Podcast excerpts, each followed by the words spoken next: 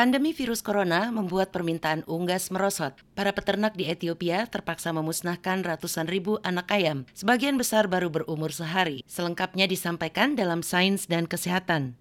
Peternak Ethiopia telah menyembelih ratusan ribu anak ayam, kebanyakan baru berumur sehari di saat sektor unggas terimbas dampak buruk merosotnya permintaan yang disebabkan oleh pandemi virus corona. Belum ada data resmi dari pemerintah, tetapi Dr. Visehatesfu, manajer pemasaran di salah satu pemasok unggas terbesar Addis Ababa, Ethio Chicken mengatakan perusahaannya memusnahkan 650 ribu anak ayam selama lima minggu pada bulan Mei dan Juni.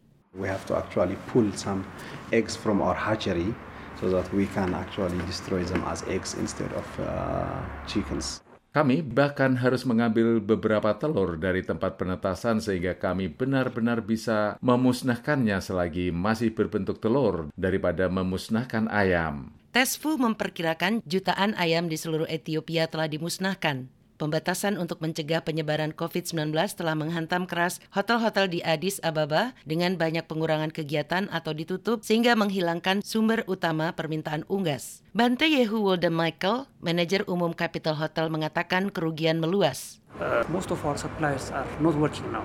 Uh, they are highly affected. For example, uh, when you see as a dairy product suppliers, uh, meat product suppliers, and vegetable and everything, every sector is affected. So just if you are not working, just they can't move. Sebagian besar pemasok kami tidak bekerja sekarang. Mereka sangat terimbas. Contohnya jika kita perhatikan pemasok produk susu, produk daging, dan sayuran semuanya terpengaruh. Jika kami tidak bekerja, mereka tidak bisa bergerak. Gangguan ini berpotensi menimbulkan konsekuensi sosial yang menghancurkan. Dr. Meba Gabriel Estivano, seorang dokter hewan yang juga memiliki sebuah peternakan kecil di Addis Ababa, mengatakan sektor unggas mempekerjakan banyak orang dan berbagai kelompok umur di seluruh kawasan Ethiopia dan pekerjaan mereka berhenti total. Madeyoni, Jimmy Manan, VOA.